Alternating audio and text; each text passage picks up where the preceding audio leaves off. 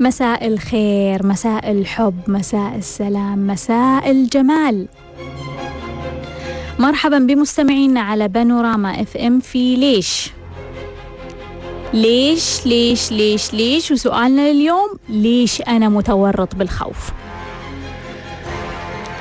أنا متورط بالخوف لأنه تمت حمايتي بشكل مبالغ فيه فأصبحت أخاف من كل شيء. أنا خايف لأني عالق في حدث قديم في الطفولة. لأني عالق في حدث في الطفولة يمكن ضرب يمكن تخويف يمكن صدمة صارت أمامي وصدقتها. أنا خايف لأنه مصادري الطاقية أمي أبوي أختي أخوي زوجي زوجتي يخافون ويبثون لي الخوف طوال الوقت أنا خايف لأنه مصادري الطاقية أمي أو أبوي أو أختي أو أخوي يؤنبوني طوال الوقت. أنا متورط بالخوف لأن مشاعر الخوف هي المحرك الرئيسي في حياتي. هي المشاعر اللي مخليتني أعيش. هي المشاعر اللي مخلية الحياة مهمة وعميقة. أنا متورط بالخوف لأن لدي بيئة خوافة. أنا متورط بالخوف لأني أتتبع القصص والأفلام والأخبار والبندولات المخيفة. أنا خايف لأني أشعر بالعار من انكشاف بعض الحقائق عني. عندي أسرار كثيرة ما أبغى أحد يكشفها. إذا كشفوها بخاف. أنا خايف لأنه في قصة في اللاوعي مخفية. ما أعرف عنها. أنا خايف لأنه حولي دائما أشخاص معصبين وغاضبين. أنا خايف لأنه أحدثت قفزة في حياتي أكبر مما ينبغي. أنا خايف لأني تعرفت على معلومة وحقيقة أكبر من طاقتي. أنا متورط بالخوف لأن روحي روح طفلة. خلوني آخذ بعض التعليقات اللي وردتني على إنستغرام وتويتر حول هذا الموضوع وكنت سألت أنت تخاف من إيش؟ بس ما قالت لي أخاف يمر عمري وأنا بنفس مكاني أولاد وبيت ما أتحرك ولا أنجز شيء لنفسي. حياتي عبارة عن روتين أنام أقوم أنظف ألبس وبعدين إي والله يا بسمة وبعدين وبعدين ليش؟ ليش؟ ليش أنت مستمرة على نفس الوضع من سنين طويلة؟ ليش؟ أنا أعتقد يا بسمة أنه أنت خايفة من شيء أكثر من هذا الخوف. أنت أصلا تهربين من شيء عشان كذا مستمرة في هذا الصندوق. آية تقول أنا أخاف التقدم في العمر دون إنجاز الأهداف. غادة تقول كنت أخاف أعيش بدون أبوي وعشت بدونه وحاليا خايفة ما أقدر أكمل دراستي وأحقق حلمي وحلمه. غادة غادة الله يرحم أبوك. غادة لابد أن تستيقظين. لابد أن تنتبهين.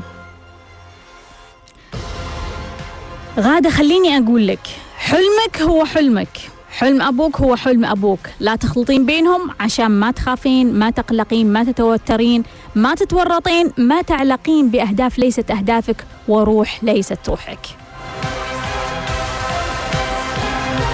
فاطمة تقول رأي الناس وحكمهم وتعليقهم تهجمهم علي أو تنمرهم أو اعتدائهم أو أني ما أعرف الرد المناسب أو أدافع عن نفسي جسدياً.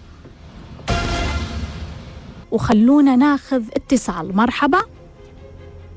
السلام عليكم. وعليكم السلام من معاي؟ مرة أهلا وسهلا من معاي؟ معك يا فاطمة. أهلا وسهلا يا فاطمة. حبيبتي تفضلي. مو مصدقة صراحة. ضيعت السؤال. يا حبيبتي. سؤالك عن الخوف؟ إيه تفضلي.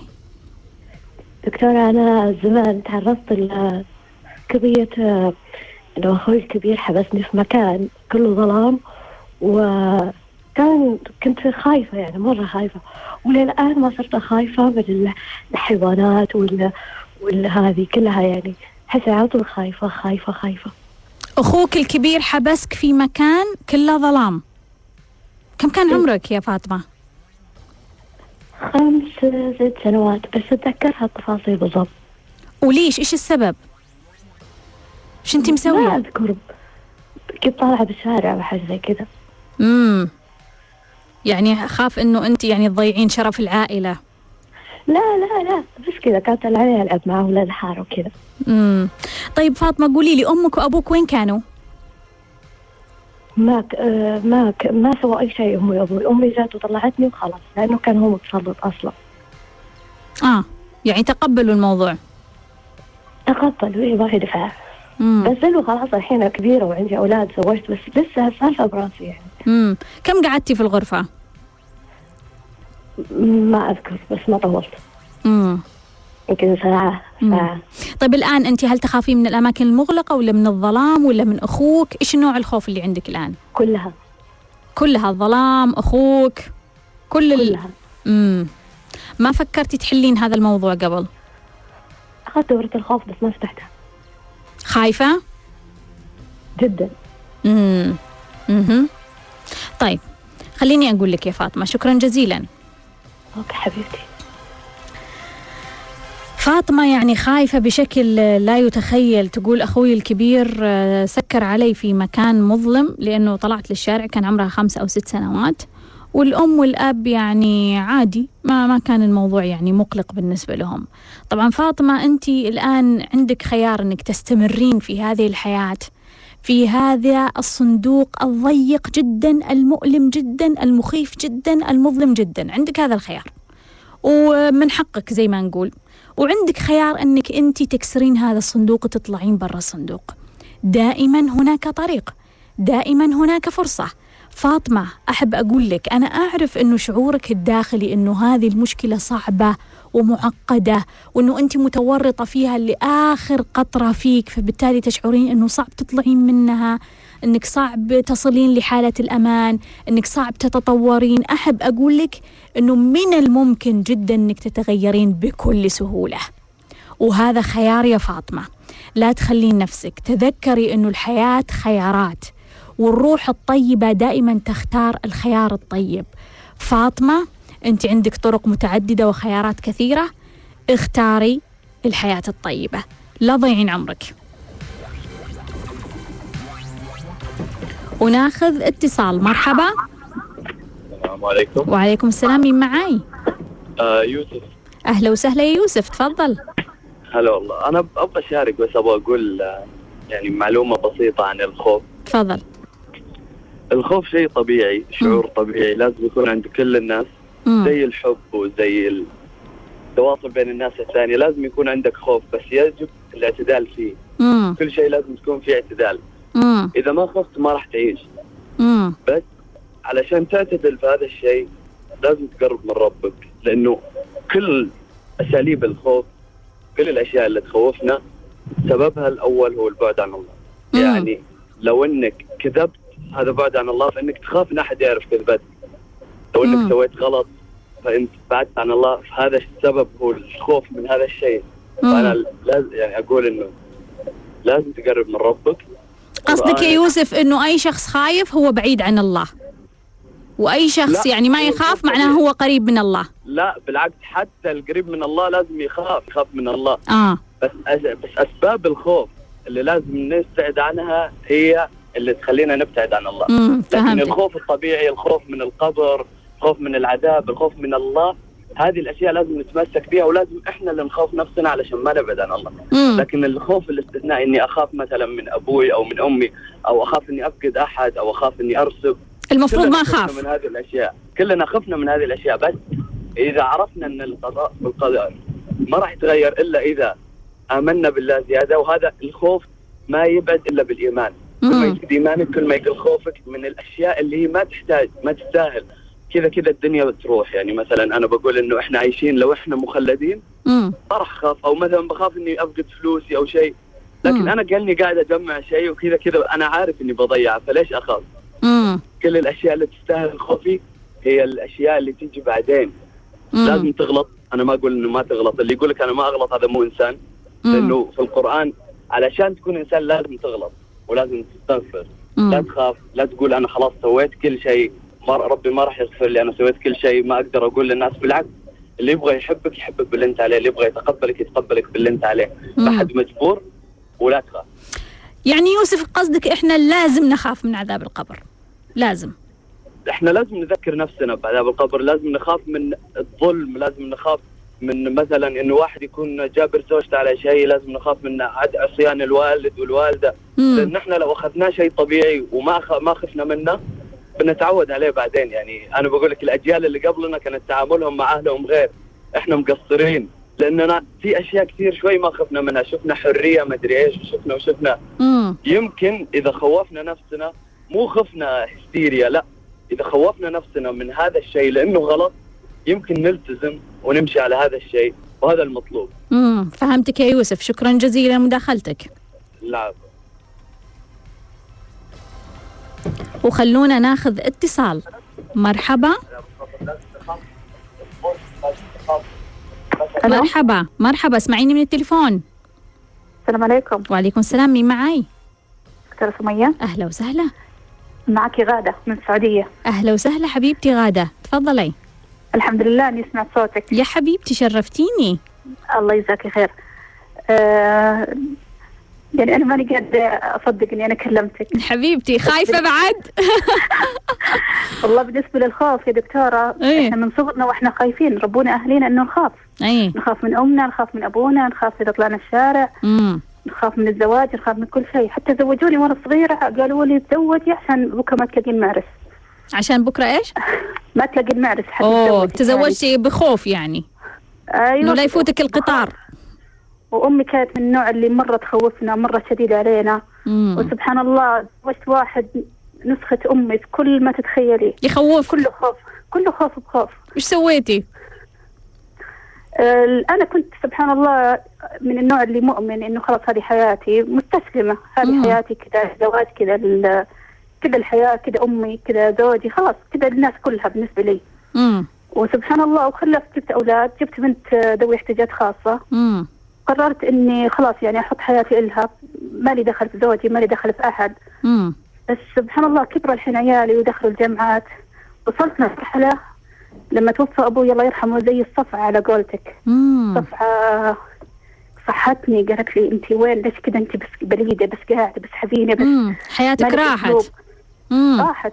يعني صار عمري الحين 43 سنة حياتي راحت. امم بسبة إني أنا خايفة أطلق وين أروح بنتي هذه تعبانة مين بيسوي لنا بنبعبلنا وش قررتي؟ والله الحين اتخذت قرار قوي إني خلاص أنا أنفصل. يعني بكفينا خوف لمتى؟ إيه. بس لما جيت آخذ القرار وخلاص وقال لي روحي اتصل أو اتصل في أخوي قال تعال خذ أختك. تخيلي ما قدرت ما قدرت أتحرك. خفتي. يعني ما هو ما هو خوف يعني أنا حتى ماني مت... مت... ماني متقبله زوجي بأي شكل من الأشكال صرت خلاص يعني رفضته بكل شيء يعني أنا منفصوله طيب ليش كنتي مقررة الانفصال بعدين تراجعتي أو خفتي أو وش وش اللي صار؟ لأنه عندي أمي أنا رايحة لأمي نفس زوجي. آه بترجعين لها مرة ثانية. ب- بروح لزو أمي وبروح لأخوي اللي كلهم أطباعهم تقريبا واحدة. امم يعني قلت الحين أنا أروح على نفس الحياة اللي أنا عايشاها هناك أروح بزيادة إيه انتبهتي إنها توقف. غلط يعني. أيوه قلت يعني وين؟ بعدين. مم. قررت إني أتريث شوي يعني مثلا أقعد هالكم شهر لما أشوف أفكر صح. حتى إنك نزلتي دورة الطلاق إن شاء الله بروح باخذها عشان عن جد أصحى لحالي وأشوف يعني امم لمتى إحنا هذا الخوف ومتى نتخذ الخطوة الصحيحة. امم في خوفنا.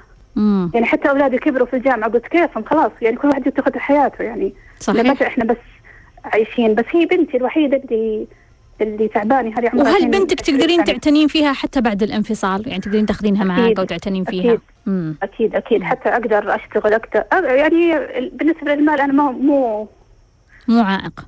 مو كثير عائق. يعني الحمد مم. لله الله رزاق وقادرين. امم الحمد بس هي لله. المشكلة إنه ال- من الداخل. مشكلة من الداخل.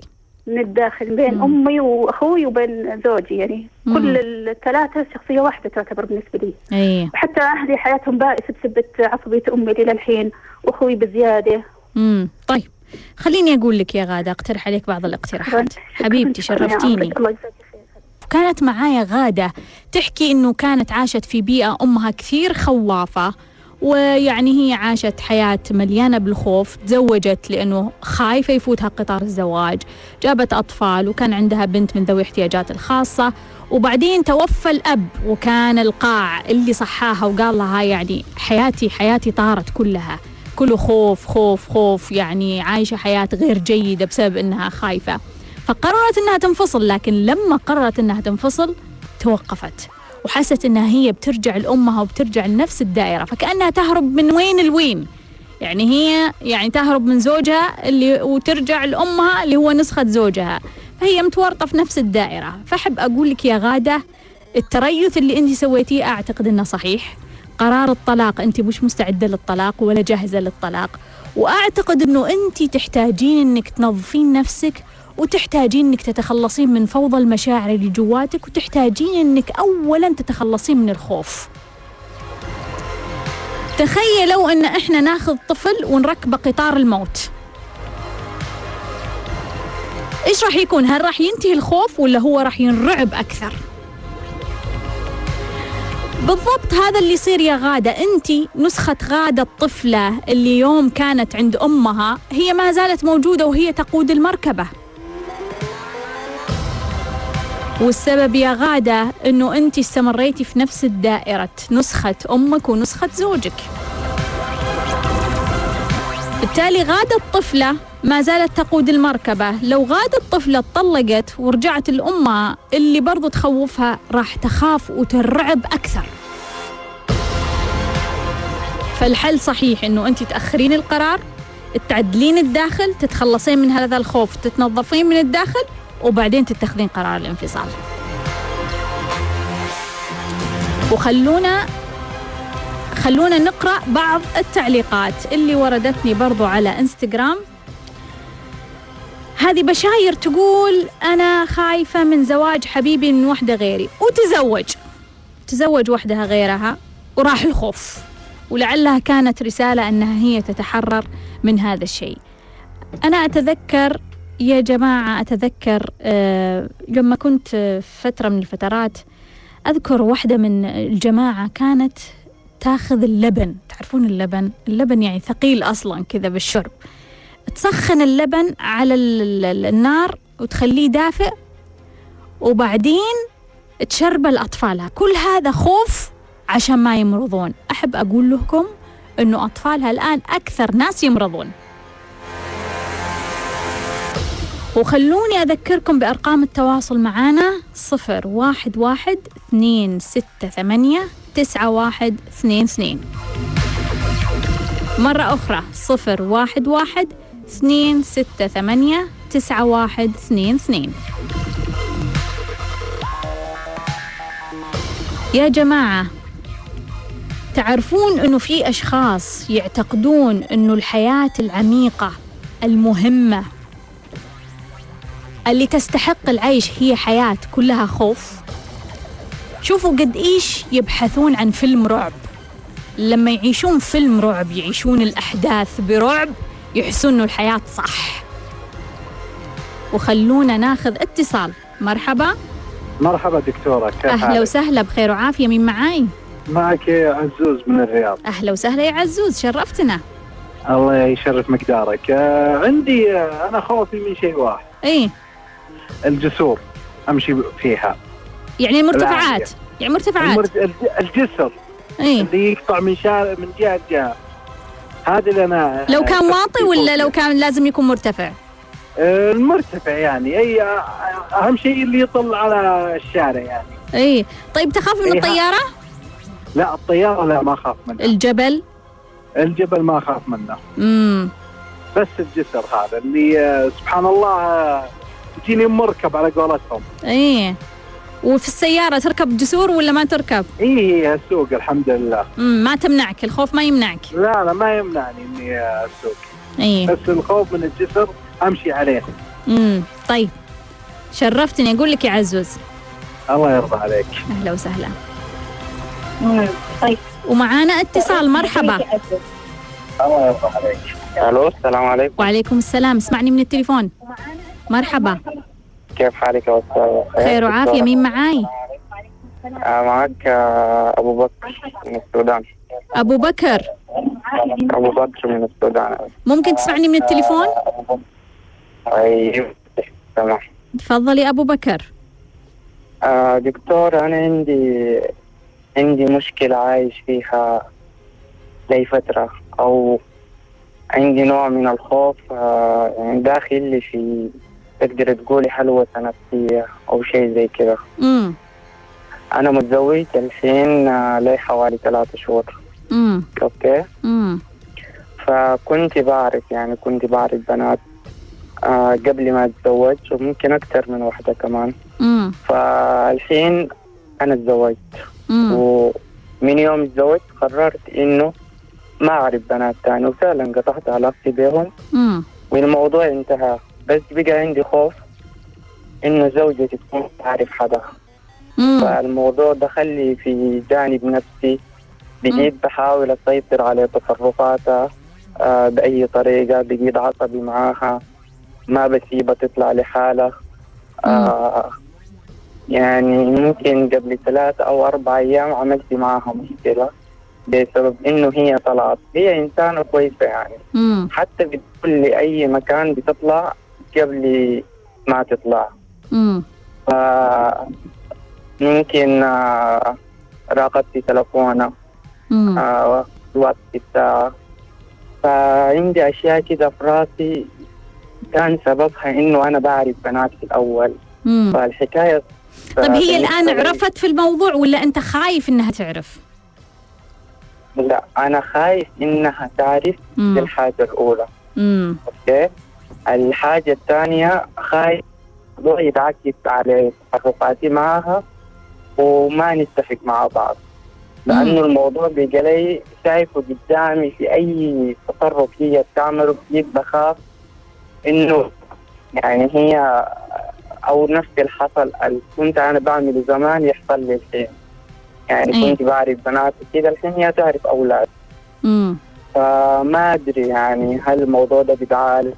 طيب خليني أقول لك يا أبو بكر شرفتني شكرا جزيلا. وخلونا ناخذ اتصال. مرحبا. ألو السلام عليكم. وعليكم السلام مين معاي؟ معك فهد. أهلا وسهلا يا فهد تفضل.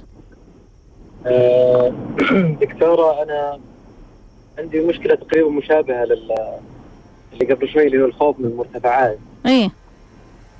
آه، حتى لدرجة إنه حتى لو أشوف عن طريق الجوال مثلا إنه في بعض الرياضات اللي ينقز من مبنى لمبنى وكذا وأشوفه بالجوال يجيني شوي الخوف.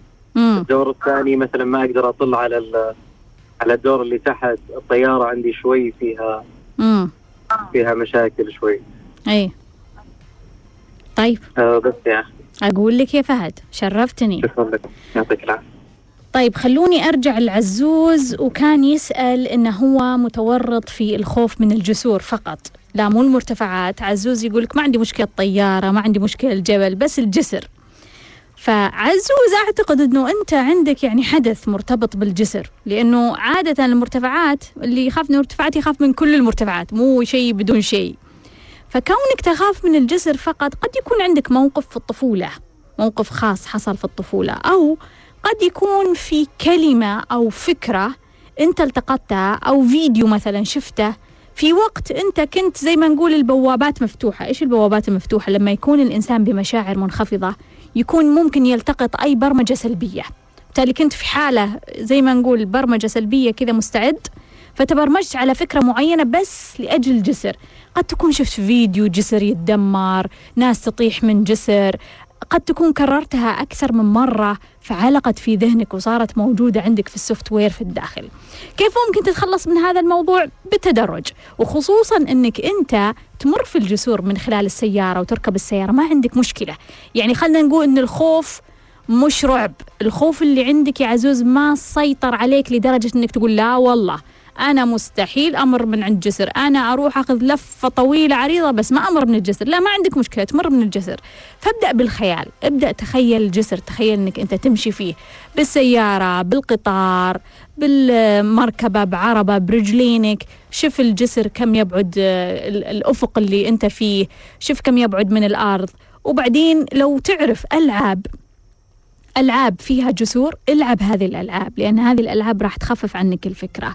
برضو أقترح عليك يا عزوز تروح الجسر أنت تخاف منه وتنزل فيه برجلينك وتقعد في هذا الجسر أول يوم نص ساعة ثاني يوم ساعة ثالث يوم ساعة ونص. يعني لا يمكن أتخيل أنك أنت بتوصل أنك قاعد في الجسر ثلاث ساعات إلا تكون تغلبت على كل المشكلة.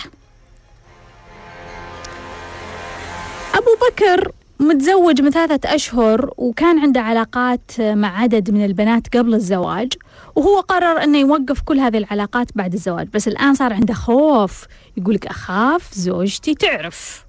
فصار عصبي يمنعها أنها تطلع يسوي مشاكل كله عشان هي ما تقابل الناس ما تعرف ما تكتشف الموضوع.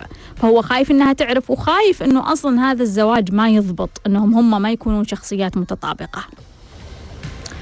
أبو بكر أحب أقول لك إنه شخصياتكم ما تتطابق. ترى كل الناس تخاف هذا الخوف وما في مشكلة. يعني طبيعي إنك تخاف إنه أنتم ممكن تكملون هذا الزواج.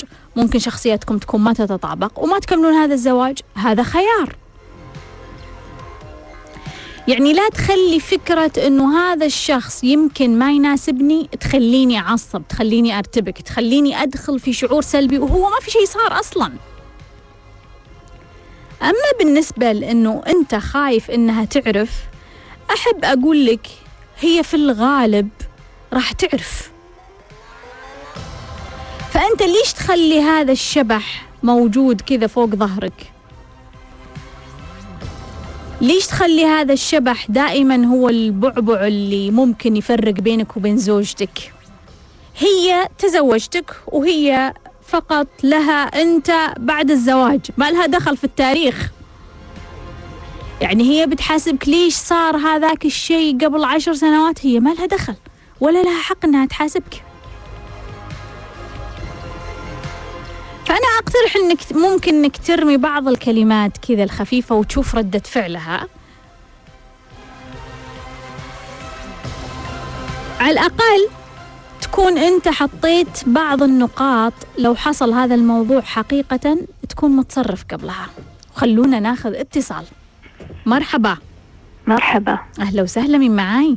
معك ندى. أهلا وسهلا يا ندى حبيبتي تفضلي. آه ما الفرق ما بين الإيجو وحب الذات؟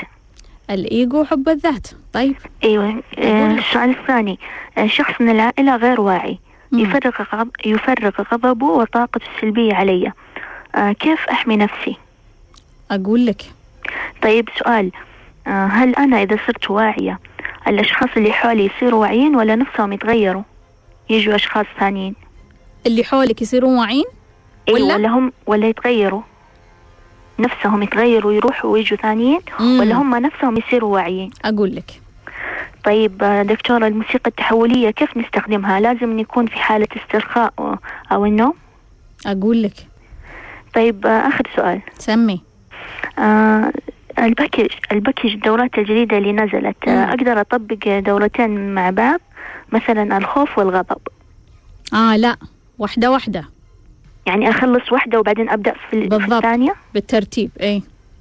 شكرا دكتورة. حبيبتي شرفتيني. مع السلامة. bye. فهد يقول إن عنده خوف من المرتفعات. يقول لك حتى عن طريق الجوال يعني لما أفتح الجوال وفي صورة عن شيء مرتفع يعني كذا يجيه الخوف. حتى لو شاف شيء في الطيارة أيضا يخاف. طيب يا فهد فهد أقدر أقول إنه التجربة بالنسبة لك صعبة يعني ما نقدر نقول لك جرب روح طب من الجبل عشان يخف ال- الخوف. لا أنت وضعك مو وضع مو وضع عزوز اللي ممكن شوية يجازف. أنت مرعوب أكثر من إنك خايف. فبالتالي لا تجرب لا تحط نفسك في موضع مرتفع وتخاف.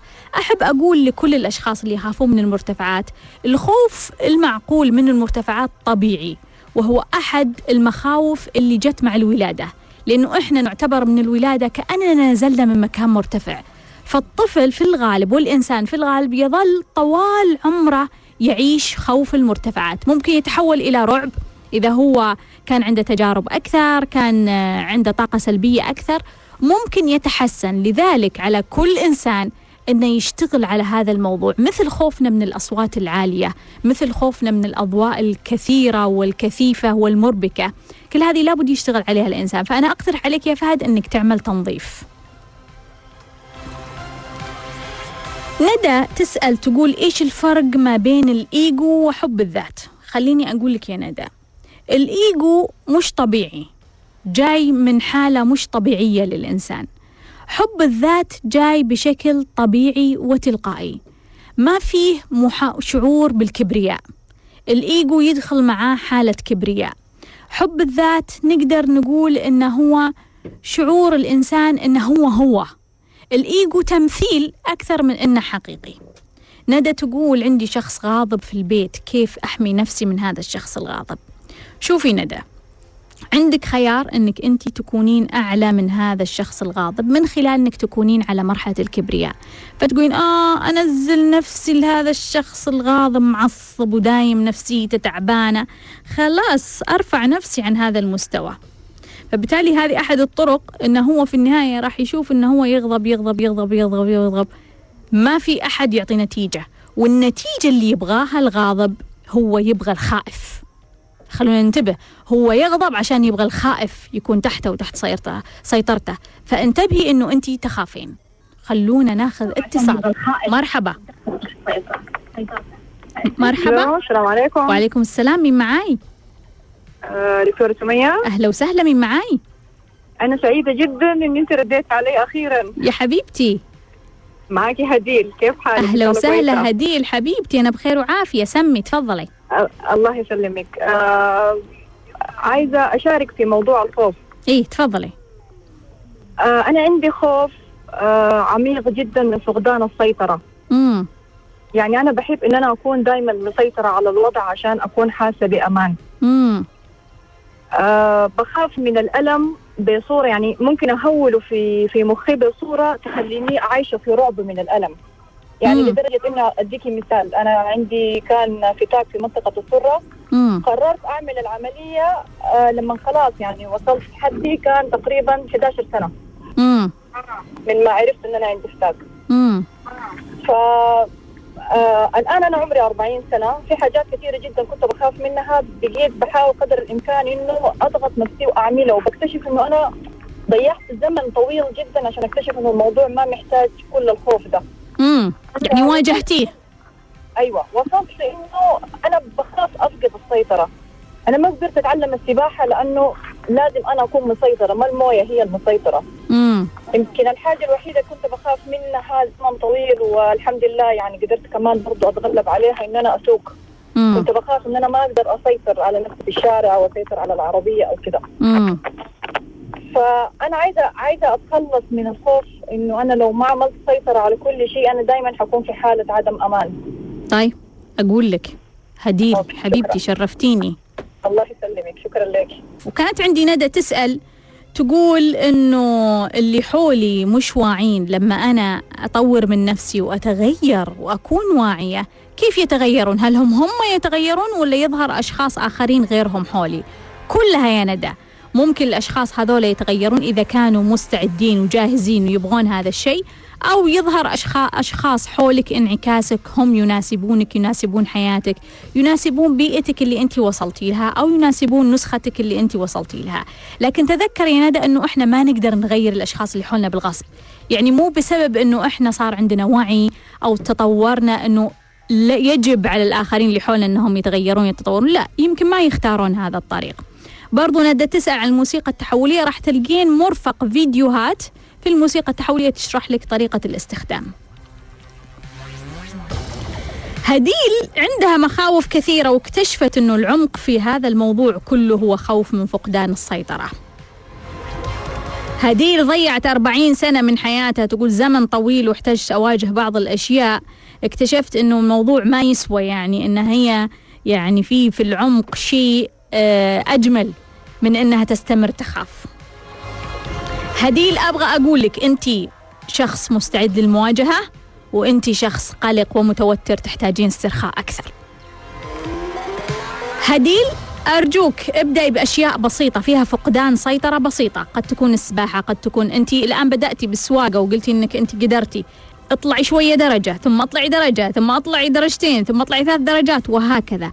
واجهي واجهي هديل بهدوء لأنك مستعدة. وفي نفس الوقت تعلمي فنون الاسترخاء لأنك قلقة ومتوترة وتحتاجين استرخاء عميق. يا جماعة تعرفون أنه أغلب أغلب الأشخاص في الوطن العربي يعيشون في وعي خوف. أغلب الأشخاص في الوطن العربي هم خوافين. يعني خلينا نقول يمكن 40% تقديرا ما عندي دراسة بس تقديرا أنا مشاهدتي لنسبة الوعي في العالم العربي 40% يمكن من الأشخاص الموجودين في الوطن العربي هم خوافين. عندي يمكن شوية يمكن عندي 30 أو يمكن عندي 20 فيهم غضب. يمكن عندي ثلاثة بالمية في الشجاعة هم اللي قاعدين يصنعون الواقع. وعشان كذا الواقع متدهور في الوطن العربي لكن في أشخاص في ثلاثة بالمية في أربعة بالمية هم شجعان قاعدين يسوون أشياء يحسنون يطورون من الواقع. لكن أغلب اللي حولنا في الغالب هم خوافين في الغالب يعني. ليش؟ لاحظ الخواف على فكرة يحب يحيط نفسه بأشخاص خوافين. يعني لو يقونك جريء طلعوك برا الدائرة لأنك أنت مو مثلهم. الخواف يبغى خواف الخواف يحبك بخوف. يعني يحبك وعنده الطريقة للتعبير عن الحب. طريقته في التعبير عن الحب يقولك أنا خايف عليك. أنا خايف إنه يصير لك كذا. لا ممنوع تسوي كذا لأنه خايف عليك. هذا حب بالنسبة له. هذا هو الحب بالنسبة للخواف إنه هو يمنعك ويحط لك ممنوعات ويحط لك لا ولا ولا كله لأنه يحبك لأنه خايف عليك. وناخذ اتصال. مرحبا. ألو مرحبا. عليكم. وعليكم السلام مين معاي؟ آه شهد. أهلا وسهلا يا شهد. حبيبتي تفضلي. آه دكتورة سمية سمي. محتاجة مساعدتك ساعديني حبيبتي تفضلي. آه أنا جتني فترة صارت في مشاكل بيني وبين زوجي. امم مشاكل كبيرة طبعا. امم وأنا أصلا طالعة من بيت هلي آه كله كان مشاكل. امم عرفتي؟ امم ففي شهر من الشهور أبوي تزوج على أمي. بعد كبر يعني عرفتي؟ امم وفي نفس هذا الشهر آه تقرب مني إنسان مرة محترم. آه يعني كنت بيني وبينه علاقة احترام عرفتي؟ بس إنه صار يهتم فيني بزيادة إلين يعني خلاص صارت بيني وبين علاقة. يعني علاقة عادية مكالمات طيب أنا الحين تعلقت في هذا الشخص وهو مم. متزوج وأنا متزوجة. آه فوصلت لمرحلة إني كلمته يمكن ست شهور. امم بعدها جاء شهر رمضان قلت له خلاص ما راح أكلمك. امم عرفتي؟ آه قال طيب فكرة ممتازة. بعد شهر رمضان لما كلمته صار ما يكلمني كويس. آه صارت دائما يقول لي إن إيش تبين فيني؟ واصلا إحنا ما بيننا أمل و يعني انت متزوجة وأنا متزوج آه انت متزوجة وأنا متزوج. طيب؟ امم أنا عارفة هذا الشيء أصلا بس إني متعلقة فيه كأخ كبير. عرفتي؟ امم يعني ما أنكر إنه في حب في قلبي امم بس كأخ كبير. طيب هو لما ابتعد عن عني خلاص أنا كرهت الحياة. آه كرهت علاقتي بزوجي كرهت كرهت كل شيء. عرفتي؟ امم طيب الحين بيني وبينه علاقة بس إنه مرة محدودة ما يعطيني وجه. آه أنا عارفة إنه يحبني يخاف علي عرفتي؟ امم بس آه حاولت إني أبتعد عنه ظلت شهور يعني ما أكلمه شهر شهرين. امم ولكن كنت أحس بكآبة أحس إني حزينة أحس مم. إني دايم معصبة على أولادي على زوجي. يعني كل كل الحياة كلها مو مو رايقت لي عرفتي؟ امم فأنا مو قادرة أبتعد عنه أنا خايفة إني أبتعد عنه مع إني حاولت. امم يعني هل تنصحيني بدورة إن تخليني أبتعد نهائي أو ما أفكر فيه؟ امم ولا وش الحل بالضبط؟ امم أقول لك يا شهد حبيبتي. شكرا جزيلا يعطيك العافية. طيب شهد تقول إنها هي متزوجة وعندها مشاكل مع زوجها وبيت أهلها أصلا هي جاية من بيت مليان مشاكل وأبوها تزوج على أمها فهي تعرفت على شخص كانت علاقة يعني محترمة وكان هو يبدي اهتمام وبعدين تعمقت شوية العلاقة لكن هو متزوج وهي متزوجة وبعدين أخذوا بريك كذا في رمضان توقفوا. هو بعدها صار يقول لها إحنا علاقتنا ما فيها أمل وليش أنت مستمرة تواصلين معاي؟ هي تقول أنا تعلقت فيه. تعلقت تعلق الأخ الكبير وبرضه في حب. فهي تقول لما يبتعد عني أكره الحياة. أشعر بالكآبة أشعر بالحزن أشعر بالعصبية تعصب على أولادها. يعني تقول صارت العلاقة محدودة وفيه مشاعر كثير جيدة لهذا الشخص. فهي تسأل تقول أنا يعني كيف أتصرف؟ إيش الحل لهذه المشكلة؟ شهد حبيبتي أعرف الألم اللي أنت فيه. أعرف الألم اللي أنت فيه. وأنا ما راح أقول لك إنه اللي سويتيه غلط أو صح لأنه أنت تعرفين هذا الشيء. ما أنت مو محتاجة أحد يقول لك صح أو غلط. أنت محتاجة أحد يساعدك في المشاعر الألم اللي أنت فيها. شهد أحب أقول لك إنه أنت تورطتي بشخص أصبح هو مصدرك الطاقي وأصبحت مشاعرك الإيجابية فقط قادمة من هذا الشخص وهذه ورطة كبيرة.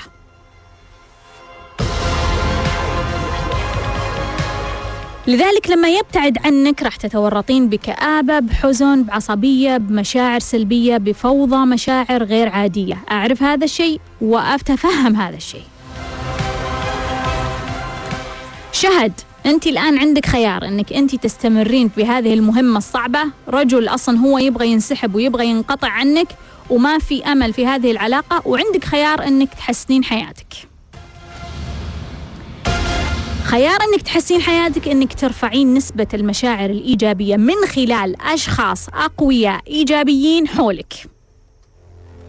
لأنه أنت مو قادرة تجيبين هذه المشاعر، زائد كل اللي حولك الأشخاص المهمين في حياتك اللي هو الزوج والأب والأم هذا كلهم عايشين في فوضى مشاعرية، فبالتالي لابد تبحثين عن أشخاص جيدين عندهم مشاعر إيجابية اتصلي فيهم بشكل قوي ثم بعدها انقطعي عن هذا الشخص. كل كورسات التنظيف كلها تصلح لك لأنها تساعدك على تنظيف الفوضى السلبية اللي بداخلك. وخلونا ناخذ اتصال. مرحبا. مرحبا. السلام عليكم. وعليكم السلام. أهلا وسهلا من معاي؟ آه معك آه أبو محمد من الرياض. أهلا وسهلا أبو محمد شرفتني.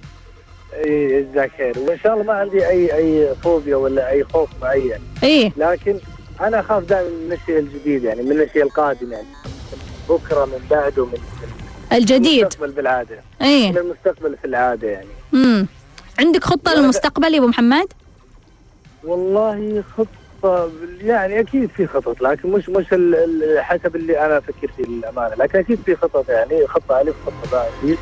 لكن آه، مساله اني اني اني إني أنا للأمانة يا دكتوره يعني حاولت أتواصل صح إن في آه، نسبة خوف عند البشرية وهذا طبيعي مثل الفرح مثل الحزن مثل مثل. لكن آه، ما يوصل إلى إلى ان ان ان, أحد يعني مثل مثل المتصل اللي قبل شوي تتصل تقول أنا متزوجه ومكون علاقة وواحد متزوج مكون علاقة معي. صار مصدر طاقتها أو مصدر سعادتها يعني في الأول والأخير. لكن مسألة الخوف يعني كل الناس عند عندهم نسب معينة تتفاوت وحكم آه، آه، عرضنا الجافة وطبيعتنا الناشفة شوي واهواء أجواءنا اللي بالعادة تمر علينا فصول الاربعاء في اليوم الواحد مم. يعني ان نمتلك من من من من, من المقومات اللي تدفع الخوف قدر الإمكان يعني و... وش المفروض نستسلم ولا نعدل لا نعدل ليش نستسلم يا دكتورة؟ ما إيه. خلقنا لن- لن- لنستسلم أساسا يعني إيه. الأول والأخير يعني. مم. طيب. شكرا يا أبو محمد شرفتني. الشكر لك هلا. وخلونا ناخذ اتصال. مرحبا. ألو السلام عليكم. وعليكم السلام. مرحبا مين معاي؟ يعطيك العافية معك محسن دكتورة. أهلا وسهلا يا محسن شرفتني. الله يزيدك شرف. تفضل. دكتور أنا عمري الآن 28 سنة. آه، تعرفت على بنتي قبل ست سنوات. مم. آه، دكتوره هذه ال- ال- البنت آه، خلينا نكون معك صريح يعني شكلها قبيح. قبيح؟ إي نعم بحكمك ولا بحكم مين؟ آه الله سبحانه وتعالى هو اللي خلق الأشكال والحمد لله على لا أقصد إنه في أحد قال لك إيه فعلا رأيك صح هي قبيحة ولا يعني هذه وجهة نظرك؟ لا لا هي شكلها يعني ال- الله يشافيها. آه المشكلة يا دكتور إن أنا تعرفت عليها وما شفتها فجلست معي تقريبا شهور أو سبع شهور. آه ما خلت علي شيء إلا واعطتني يعني شرت لي سيارة آه كفلت في راسي في يوم من الأيام مم. آه لكن المشكلة طبعا أنا كنت صريح معها إن الزواج ما راح اتزوجها وقالت أبغاك بس تكون في حياتي لأني أنا كنت المصدر اللي كنت أعطيها من الحياة كويسة ويعني مو كل شيء بالجمال و... آه لكن إني وقعت أنا في مشكلة الآن أنا خلاص أنا أبغى أتزوج وماني عارف كيف أتركها. فهي وصلت لمرحلة إنه أكلت آه، حبوب حتى إنه تبغى تفارق الحياة امم إني لو تركتها. امم فما أدري أنا في ورطة. ما أدري إيش أسوي. طيب. أقول لك يا محسن. محسن عمره 28 سنة تعرف على بنت من ست سنوات ويقول إنها يعني شكلها مش مش أوكي يعني إنه ما يقدر يعني يتزوجها وما شافها استمر معها سبع شهور بعدين شافها. هي قامت قدمت له اشترت له سيارة وأعطتها راتب. وهو قال لها إنه ترى زواج ما فيه وما في مستقبل لهذه العلاقة. قالت مو مشكلة هي رضت. بس تقول إنه أنا أبغاك إنك تكون حولي وتعطيني مشاعر جيدة. اللي حصل إنه محسن الآن يبغى يتزوج. ويقول لك أنا يعني أحاول كيف أتركها الآن هي يعني وضعها ومشاعرها جدا سيئة لدرجة إنها تبغى تنتحر. يعني محسن أنا أبغى أسأل سؤال مهم يعني إحنا في كثير من الأحيان نتأخر في اتخاذ القرارات الصحيحة لما تكون القرارات أكبر منا ولما نفقد السيطرة عليها. جيد إنه أنت قلت لها ترى ما في زواج وما في مستقبل لكن أنت استمريت معاها ما جاء في بالك يوم من الأيام إنه لما تيجي لحظة الزواج وش بيكون علاقتنا؟ طيب خلوني آخذ اتصال وأرجع المحسن مرحبا. ألو؟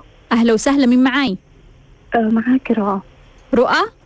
أيوه أهلا وسهلا يا رؤى تفضلي حبيبتي آه أنا اشتركت معاك في آب الوعي الطفولي. آه حاربت عشان أسمعها ما قدرت ماني عارفة الطفل اللي بداخلي يعني ماني ما سمعتها بصعوبة مم. يعني ضحكت على نفسي قلت آه بس أسمع بعدين أطبق مم. سمعت وكله آه بس لما جيت أطبق ما أعرف ليش خايفة إني أنا أطبق مم. فيعني ماني عارفة هل خايفة إنه أنا فعلا أتغير؟ أنت قلتي إنه تتغير نسخة جديدة. مم. أنا ما أبغى شخصيتي تتغير. مم. إنه يعني يعني شخصيتي إنه أضحك مع الناس وأمزح ويحبوني وكذا فماني عارفة ما أبغى ده الشيء يتغير ولا خايفة من إيش ماني عارفة. طيب أقول لك يا رؤى حبيبتي. شكرا. طيب خلوني أرجع لمحسن اللي الآن هو تورط في فكرة إنه يتزوج. والبنت هذه يعني تحتاج منا مشاعره. محسن أنا أعتقد إنه أنت آه، زي ما أنت وعدتها إنك تستمر تكون موجود وتعطيها مشاعر، أنت وعدتها هذا الوعد وزي ما هي أعطتك مقابل هذا الشيء فيبدو كانت علاقة مصلحة هي أعطتك يعني فلوس وأنت أعطيتها مشاعر. أنت الآن لابد إنك آه، تستمر إنك أنت توصلها لارض الأمان. تعطيها مشاعر لما توصلها لأرض الأمان صعب أنه تقول أنا أبغى أتزوج والموضوع بينقطع مئة بالمئة. لا خذ الموضوع بالتدريج. قل لها أنا مشغول قل لها أنا مرتبط ما أقدر أكون متواجد حولك أنا ما أقدر أعطيك هذه المشاعر. قل لها أنا بسافر أسبوع بعدين كمل معها أسبوع بعدين اتركها أسبوعين بعدين كمل معها يوم بعدين اتركها ثلاث أشهر. بمعنى أنه أنت يعني ناظر لهذه الروح ال- اللي تعاني وتحتاج منك هذه المشاعر وتعلقت فيك وتورطت فيك. وأحب أقول لك لو صار لهذه البنت شيء أنت أكثر واحد راح تتأذى على فكرة يعني. روحك راح تتأذى مشاعرك وأفكارك راح تتأذى. فلا تعتقد أن الموضوع بسيط أنه مجرد والله بنت كان معي معها علاقة وخلاص نرمي الموضوع. لا لا لا لا, لا الموضوع مشكلة. محسن أعتقد أنك تقدر تسويها. صبرت ست سنوات. أعطيت مشاعر. أعتقد أنك تقدر تصبر سنة عن الزواج وترتب هذا الموضوع بهدوء. رؤى تقول إنها كانت حضرت معي آفا الوعي الطفولي وتسمع بصعوبة لكنها ما طبقت. فهي تسأل ليش هي مو قاعدة تطبق؟ هل أنا أخاف التغيير؟ أنت مو بس تخافين التغيير يا رؤى. أنت أيضا تخافين من معلومات قد تكتشفينها قد يطلع لك عقلك ال software راح يطلع لك معلومات عن الطفولة أنت ما تبغين تسمعينها. حقائق راح تعرفينها عن هذه الحياة ما تبغين تعرفينها. رؤى أحب أقول لك إحنا صحيح نتغير لكن إحنا نتغير بنسخة أفضل أطور أجمل أحسن. إذا كنت مستمتعة وتضحكين ومشاعرك جيدة راح يكون هذا كله double. ليش نخاف من التغيير؟ أتمنى تكونوا استفدتوا واستمتعتوا. لكل مستمعين بانوراما اف ام شكرا على حسن استماعكم وتذكروا الدنيا خضرة حلوة. إلى اللقاء.